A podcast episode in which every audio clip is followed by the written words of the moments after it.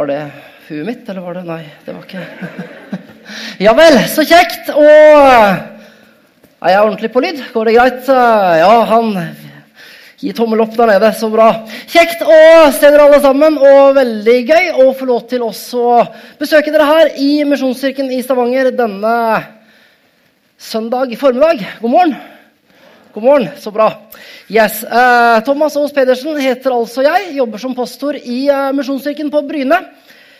Men så føler jeg meg veldig hjemme når jeg kommer hit, fordi jeg arbeida tidligere som det ble sagt her, ni år her i menigheten. Så det er liksom godt å komme hjemme om en tur, eh, tenker jeg når jeg kommer hit. Så det er veldig, veldig gøy. Kjekt å se dere alle sammen, og veldig bra få lov til å være her. Og tusen takk til gjengen fra Ansgarskolen. Det er alltid stas med besøk av Ansgar. Det er veldig, veldig bra. Tusen takk for uh, flott lovsang så langt, har jeg også lyst til å si. Yes, I dag så skal jeg rett og slett innlede en uh, ny taleserie som uh, kalles 'Når livet er vanskelig'. Når livet er vanskelig, når livet er vanskelig, når livet ikke fungerer.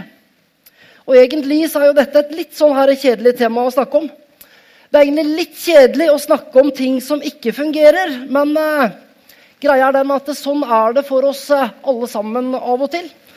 Sånn er det for oss alle at det, det er ikke alltid at ting fungerer. Det er ikke alltid at ting fungerer sånn som vi ønsker. Det er ikke alltid at ting går liksom på skinner. Og noen ganger så er det sånn at livene våre og hverdagen vår ikke fungerer sånn som vi ønsker. Og jeg vet ikke, men uh, jeg tror det at vi alle kan uh, Nå er det en knitrelyd her. Er det, er det noe jeg skal gjøre her oppe?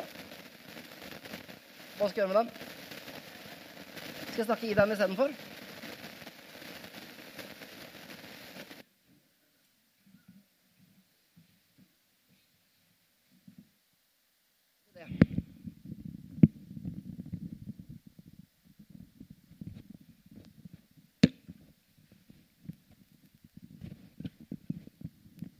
Sånn, ja.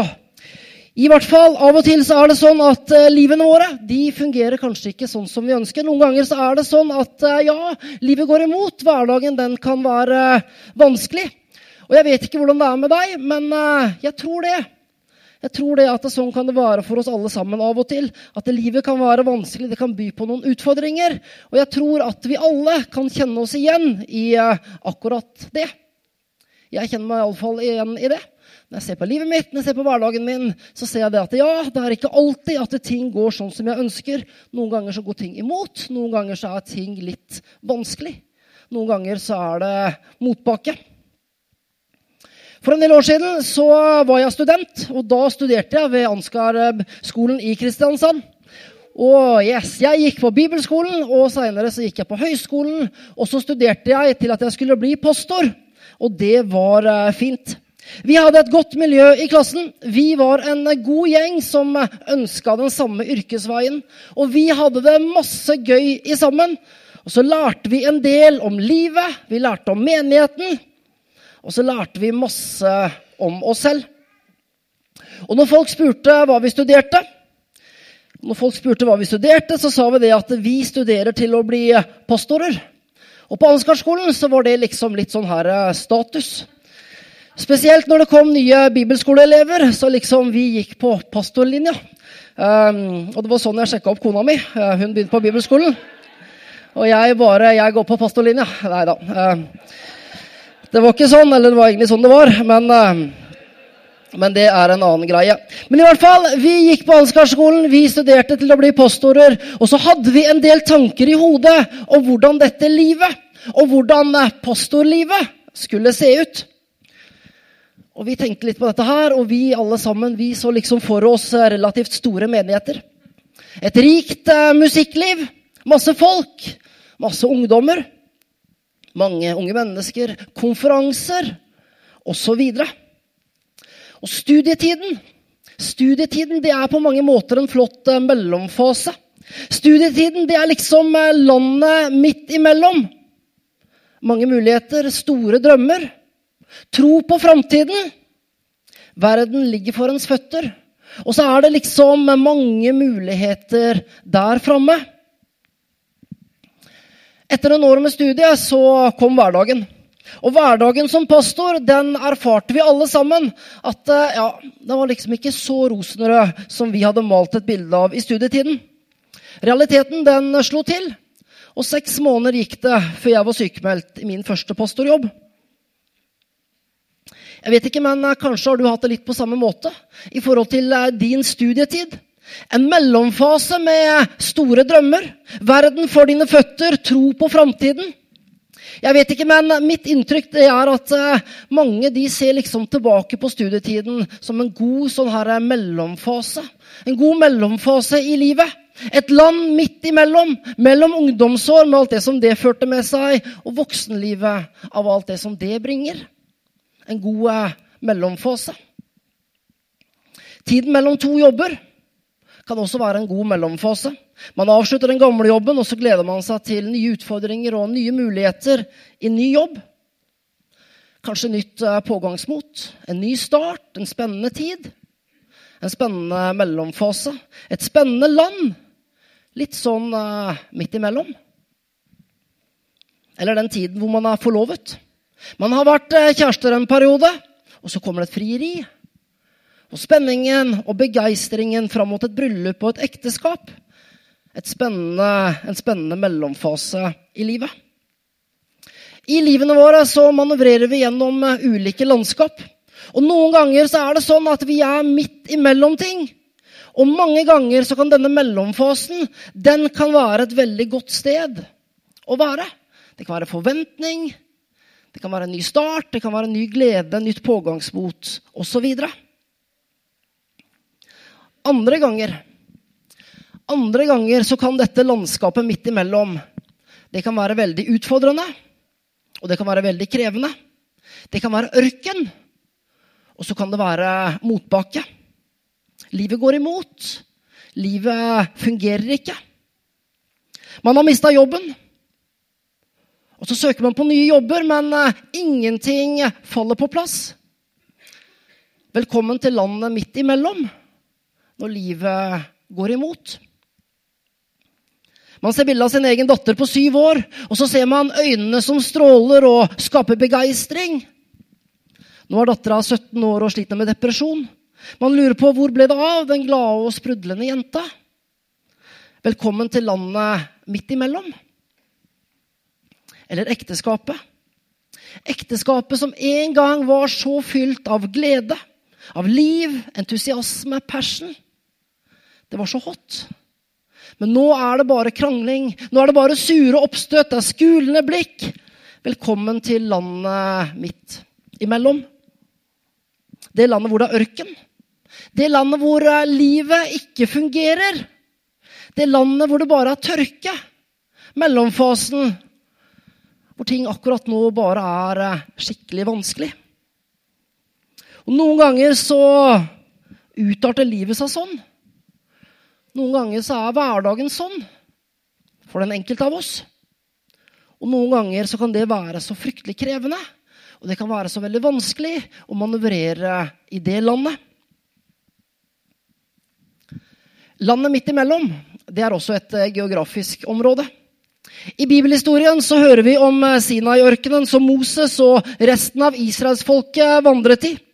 Og I fjerde Mosebok så treffer vi Moses og resten av folket der. Vi treffer Moses og gjengen i Sinai-ørkenen, og de er nettopp i landet midt imellom.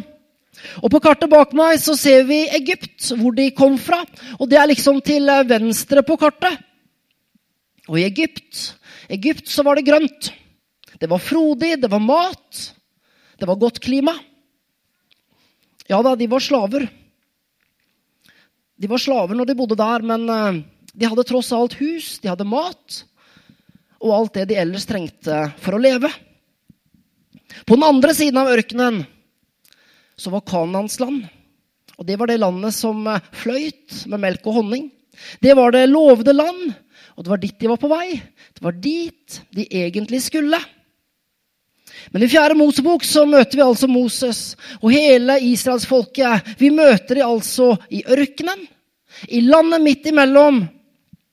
Og folket de er lei, og folket, de eh, klager. Hadde vi bare blitt værende i Egypt? Hadde vi bare blitt værende ved kjøttgrytene? Vi hadde jo alt vi trengte. Vi hadde jo alt vi trengte. Greit, vi var kanskje slaver. Men det var bedre. Det var bedre enn bare sann, sann, sann og sann. Og det var bedre enn bare å spise manna, manna og manna. Velkommen til eh, landet midt imellom. Velkommen til eh, Sinai-ørkenen. Og her skal vi være resten av denne talen. Det var frodig i Egypt. Det grodde godt. Det var grønt. I ørkenen så er det tørt. I ørkenen så er det sand. Det er tørke. Og så tenker vi gjerne som så at det er ingenting som gror i ørkenen. Men det stemmer ikke. For ting gror som bare det i ørkenen. Og hva er det som gror? Jo, i ørkenen så gror det bl.a. Eh, klage. I Fjerde Mosebok, kapittel 11, fra vers 1, så står det folket begynte å klage bittert til Herren. Videre så står det da begynte israelittene også å jamre seg igjen. Hvem kan gi oss kjøtt å spise, sa de. Så tenker de tilbake på Egypt. Og Så sier de vi husker fisken vi fritt kunne spise i Egypt, og agurkene, vannmelonen og purren. Løken og hvitløken. Nå visste vi bort, fordi vi mangler alt. Øynene våre ser ikke annet enn manna. I ørkenen, når livet går imot Det er lett. Det er lett å klage, og det er lett å ty til klage. Jeg vet ikke hva du tenker, men uh, jeg tenker som så at jeg forstår israelsfolket godt. For greia er den at du har gått, uh, altså På dette tidspunktet så har du gått to år i ørkenen. Og i to år til morgen, middag og kveld så har du spist mandag. manna. Frokost så var det manna. Middag så var det manna, eller da var det gjerne stekt manna. Kveldsmat så var det manna. Og på lørdag kveld så var det liksom manna i godtepose til ungene. Jeg vet ikke, men et eller annet. Det var i hvert fall manna hele veien. Ikke én dag. Ikke syv dager, ikke én måned, ikke ett år. Men to år. Så langt. Og så var det fryktelig lenge igjen. Det var liksom 38 år til. De skulle bare visst. Skjønner vi at de klagde? Ja, egentlig så forstår vi det. For en del år siden uten sammenligning for øvrig, men i hvert fall for en del år siden så skulle Gud Rakel, kona mi og meg, vi skulle kjøpe nytt hus. Og banken sa det at vi måtte spare 50 000 kroner i løpet av et halvt år. Eller i løpet av fire måneder, var det faktisk. i løpet av fire måneder. Og i fire måneder så hadde vi eh, makaroni og ost til middag. Hver dag i fire måneder. Og jeg tuller ikke. Var jeg lei? Ja. Klagde jeg? Ja, det gjorde jeg. Men når livet går imot, det er lett å ty til klage. Vi ser den situasjonen som vi er i, og så klager vi, og så tenker vi Hadde jeg bare hatt en annen jobb? Hadde jeg bare hatt en annen jobb? Hadde han bare hjulpet til litt mer hjemme? Hadde hun ikke vært så bisk hele tiden? Hadde jeg bare hatt uh, litt mer penger? Når vi klager, så glemmer vi mange ganger å se perspektivet. Og Sånn var det for israelsfolket også. Israelsfolket hadde glemt at de hadde vært slaver. De hadde glemt at Gud hadde redda dem gjennom Sivsjøen. At det hele faraos hær var tatt livet av. At vannet faktisk hadde delt seg på midten. De glemte at det kom vann fra en klippe. De glemte at Gud sørga for mat hver eneste dag, for å nevne noe. Men det er liksom menneskelig. I ørkenen, i landet midt imellom, der gror det godt med klage. Så var det sånn at det var ikke bare folket som klagde. Moses, den store lederen, en av de største lederne holdt jeg på å si, i verdenshistorien. Moses han var liksom ikke noe bedre, han. Videre i 4. Mosebok kapittel 11 så sier Moses og Moses han kunne virkelig sette ord på det når han ville. Moses sa til Herren, 'Hvorfor gjør du din tjener så ondt?' Hvorfor finner jeg ikke nåde for dine øyne? Du legger byrden av hele folket på meg. Er det jeg som har unnfanget hele dette folket? Er det jeg som har født det? Siden du sier 'bær det ved brystet slik en amme bærer et spedbarn'. helt fram, til helt fram til det landet du med ed har lovet fedrene deres. Moses han var rett og slett kjempelei. Han hadde ikke søkt på den jobben her. Han ville egentlig ikke være leder for dette folket. Og Derfor så klager han også og sier han, er det jeg som har unnfanget hele dette folket. Er det jeg som har født de? Det er ikke min feil, sier han. Vi vet at folket de er lei av manna. De vil ha kjøtt å spise. Og videre så sier Moses til Gud, 'Hvor skal jeg få kjøtt fra?' Til hele dette folket når de jamrer seg og sier til meg, 'Gi oss kjøtt å spise'. Jeg makter ikke å bære dette folket alene. Og Så kommer det en erkjennelse fra Moses, og sier han, 'Det er for tungt'. Jeg makter ikke bære dette folket alene. Det er for tungt for meg. Det er for tungt. Det er for tungt for meg.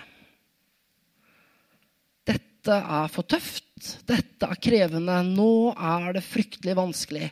Nå er livet vanskelig.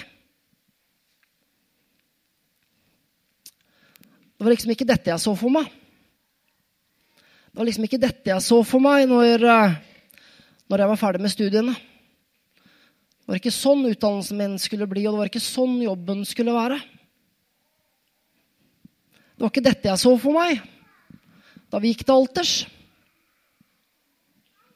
Det var ikke dette jeg så for meg da jeg begynte i ny jobb. Det var ikke dette jeg så for meg da jeg sa ja til vervet i menigheten.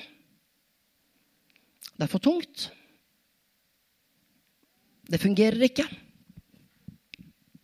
Når livet går imot, og når ting er for tungt for lenge, det kan av og til føre til eh, sammenbrudd.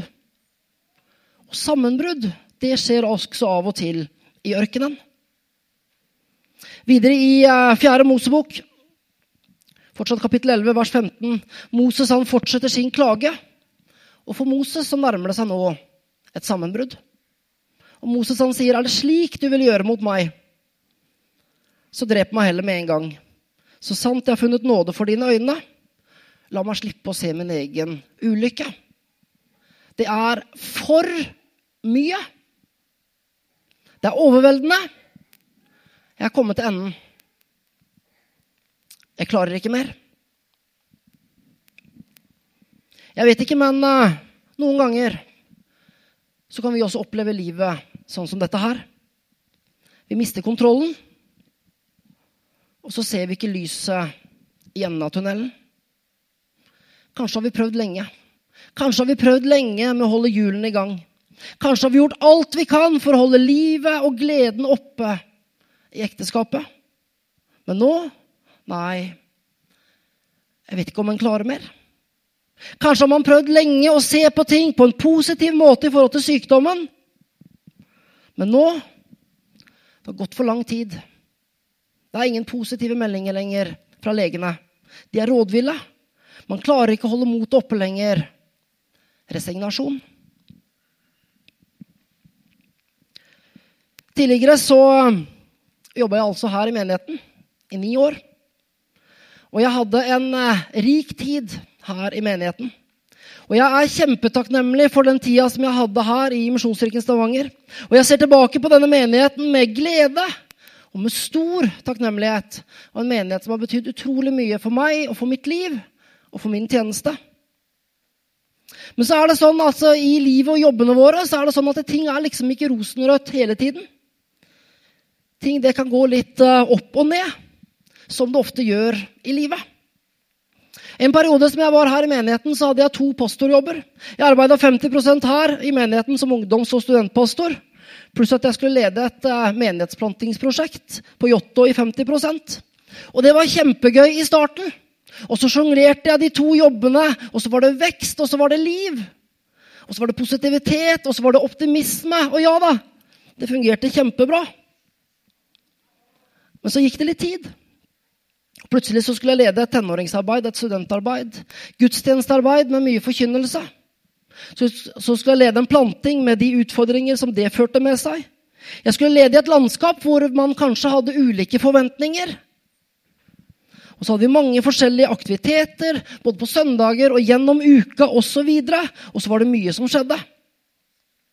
Husker jeg at jeg hadde hendene mine på mye. Og så var det gøy å ha hendene på mye når alt fungerte, og når alt nesten gikk av seg selv. Da var det gøy, og da var det lett. Men så kom det en tid hvor ting ikke gikk så bra. Og så sprang jeg mange steder. Allikevel så Ja, jeg følte at jeg sprang mange steder. Allikevel så var det kanskje mange som ikke så meg. Og så klarte jeg ikke å være alle steder på en gang. Og så var det noen folk som eh, slutta. Så ble det færre folk. Og så var det noe av dette momentumet som en før hadde opplevd. At ting gikk litt sånn av seg sjøl. Plutselig så forsvant det. Jeg hadde ikke tid til å snakke med de som forsvant, om hvorfor de forsvant. Jeg hadde ikke overskudd til å få liv og entusiasme inn i arbeidet igjen. Og Så så jeg på alle de ulike tingene som jeg leda, og plutselig så følte jeg det at det var ingenting som fungerte. Og så ante jeg ikke hvor jeg skulle begynne. Og så var det rett og slett sånn at nå, nå er det for mye. En natt til mandag så lå jeg våken. Jeg hadde hatt to gudstjenester den søndagen, og så lå jeg og tenkte på alt det som eh, jeg holdt på med. Så ligger jeg våken, og så Rakel, kona mi, hun våkner av at jeg ligger og gråter. For da kjenner jeg på det at jeg klarer ikke mer. Dette går ikke. Jeg føler at jeg springer alle veier, men det er ikke nok. Jeg får ikke endene til å møtes. Det er for mye. Det er for mye. Jeg fikser ikke dette. Og Så tenker jeg om meg sjøl at jeg holder ikke mål. Jeg gir meg. Jeg gir meg som pastor. Og noen ganger så opplever vi livet sånn som det. Det som jeg forteller nå, det er mange år siden. Ehm, jeg kom gjennom den perioden med sykemelding. Og etter sykemelding så kom jeg tilbake i tjenesten her i menigheten. Og så hadde jeg enda fire flotte år her i menigheten. Og som sagt, jeg er kjempetakknemlig for denne menigheten og for alt det som denne menigheten har gitt og gir meg. Så det er fantastisk flott å komme hit. Men ja, det var også en liten periode hvor jeg hadde her hvor ja, ting gikk ikke sånn som, man, sånn som man hadde ønsket. Ting gikk imot. Livet var vanskelig. Og noen ganger så er det sånn som det. Noen ganger så er det sånn ja, at det er krevende, og ting går imot. Moses han eh, klager. Moses han står overfor et sammenbrudd. Og Gud svarer. Gud han møter Moses. Og hvordan er det Gud møter han? Ta deg sammen. Slutt å klage. Skjerp deg. Nei, Gud møter han med nåde. Gud møter han med nåde. Og landet midt imellom Landet midt imellom, det kan være et sted for klage.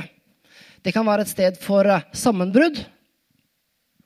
Men så kan det også være et sted for Guds overnaturlige inngripen. Videre i fjerde Mosebok. Da sa Herren til Moses, samle sammen for meg 70 mann av Israels eldste. De du vet er eldste og tilsynsmenn i folket.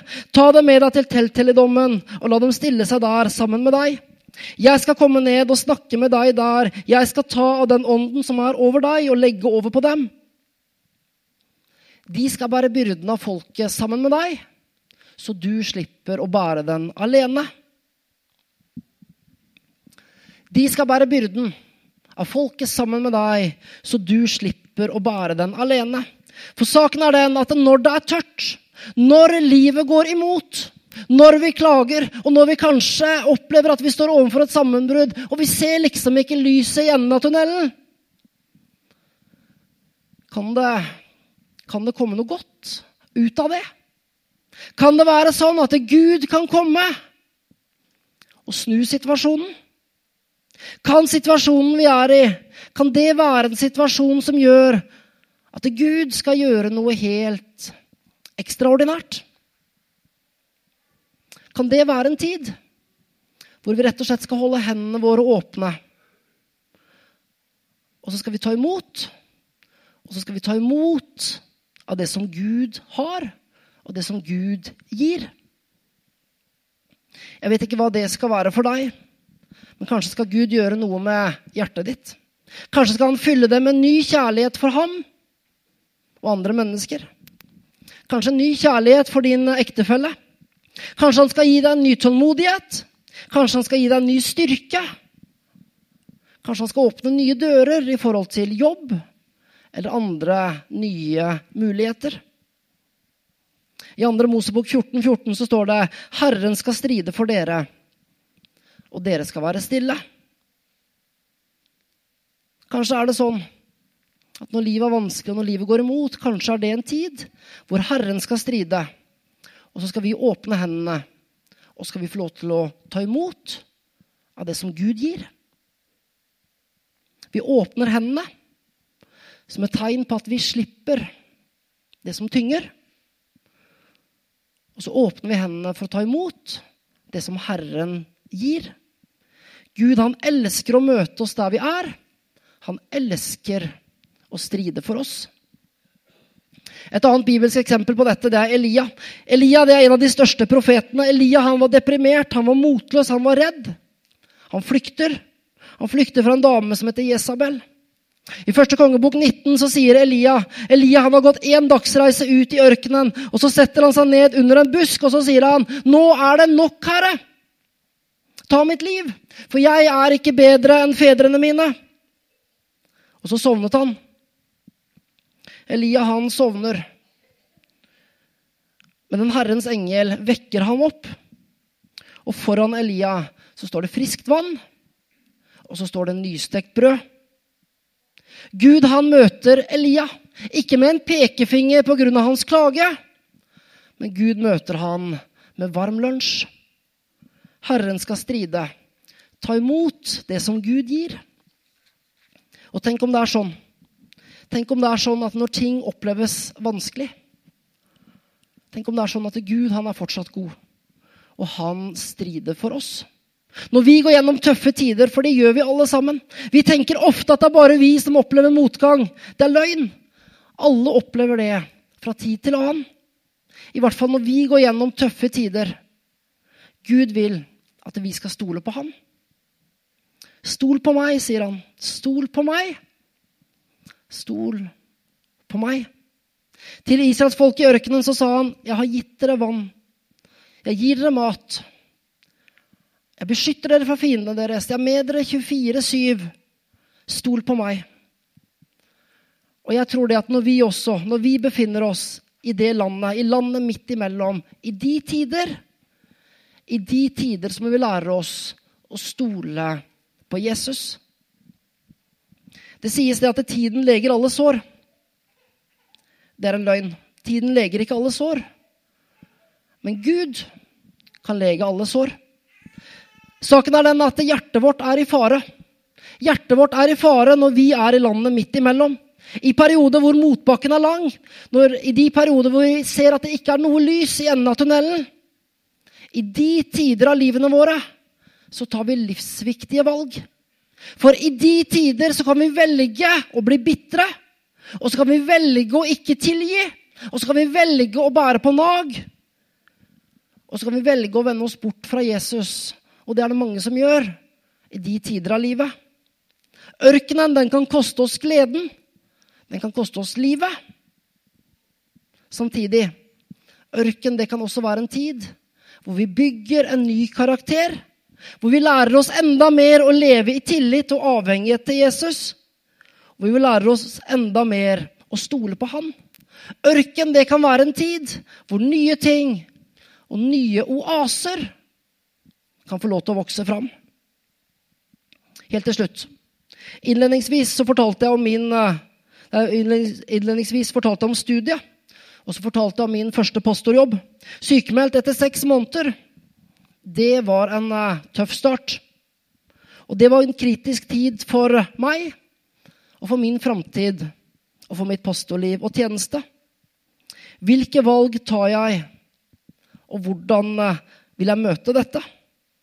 Som sagt, Jeg hadde også en tid her i menigheten hvor jeg var sykemeldt. Jeg skal ikke fortelle noe mer fra dette nå. Men i de tider så åpna jeg hendene mine. Så åpna jeg hendene mine og så sa jeg til Gud at her er mitt liv. Her er mitt pastorkall, her er min tjeneste, her er min framtid. dette må du ta. Fordi dette er for mye for meg. Dette klarer ikke jeg å bære. Og så slapp jeg tak i det. Og så lot jeg Gud møte meg der hvor jeg var. Og så fikk han lov til å bygge meg. Og så fikk han lov til å forme meg på nytt. Og det er jeg så takknemlig for. Og så vet jeg det i framtiden. Kanskje må jeg gjøre det igjen. Men Gud møter oss med nåde akkurat der hvor vi er. Alltid, uansett. Gud møtte meg. Herren hadde en vei. Og så tenker jeg takk og lov for det. Og takk og lov for at Gud alltid har en vei. For oss, for livene våre, for familien vår, for menighetene våre, for hele livet. Herren skal stride. Herren skal stride for dere, og dere skal være stille. Herren skal stride for oss, og så kan vi få lov til å ta imot. Og så kan vi få lov til å være stille, og så kan vi se det at det klippen holder. At det Jesus holder. At det er han som alltid, alltid står fast. Skal vi be en bønn til slutt. Himmelske Far, jeg takker deg, Herre, for din godhet og din nåde. Og takk, Herre Jesus, for at du møter oss med nåde der hvor vi er. Og takk, Herre, for at uh, du skal stride for oss, og vi skal få lov til å være stille. Herre Jesus, du ser våre liv, og du ser vår vandring. Og du ser at noen ganger så er livet vanskelig, og noen ganger så går vi gjennom tøffe ting. Det kan være personlige ting, det kan være ting i familien, det kan være ting på arbeid, det kan være ting med menighet. Det kan være så mange ting. I de tider av livet, Herre, takk for at du møter oss akkurat der hvor vi er. Takk for at vi kan være ærlige overfor deg. Vi kan få lov til å komme med vår klage når vi måtte ønske det. Og takk for at du møter oss med nåde, og du møter oss med godhet, og du møter oss med kjærlighet i Jesu navn. Og så ønsker jeg å be Herre Jesus nå for den enkelte her inne. Og du ser våre liv, og du ser våre hverdager, og du ser hvordan dagen er akkurat nå, hvordan uka som er, kommer. Og jeg ber spesielt, Herre, der hvor livet er vanskelig, der hvor ting går imot, og der hvor det er motbakke, der hvor det kanskje er sykdom eller utfordringer i familien eller utfordringer på jobb eller hva det måtte være. Der hvor ting er vanskelig, Herre, jeg ber at du skal komme med din overnaturlige og din ekstraordinære inngripen. Skal du komme, Herre, i Jesu navn og fylle på med din glede og med din kjærlighet og med din fred og med din tålmodighet. I Jesu navn. Og så ber jeg, Herre, at vi i alle ting skal velge å holde fokuset retta mot deg. At ikke bitterhet og nag skal få lov til å slå inn og ødelegge og ta gleden fra oss. Men kom, Herre, med din nåde i Jesu navn. Velsign du den enkelte, velsign du denne menigheten, Herre. Jeg legger i dine hender, Herre, i Jesu navn. Kom. Kom, Herre Jesus. Kom. Og tal til våre liv og våre hjerter akkurat nå. Be om i Jesu navn. Amen.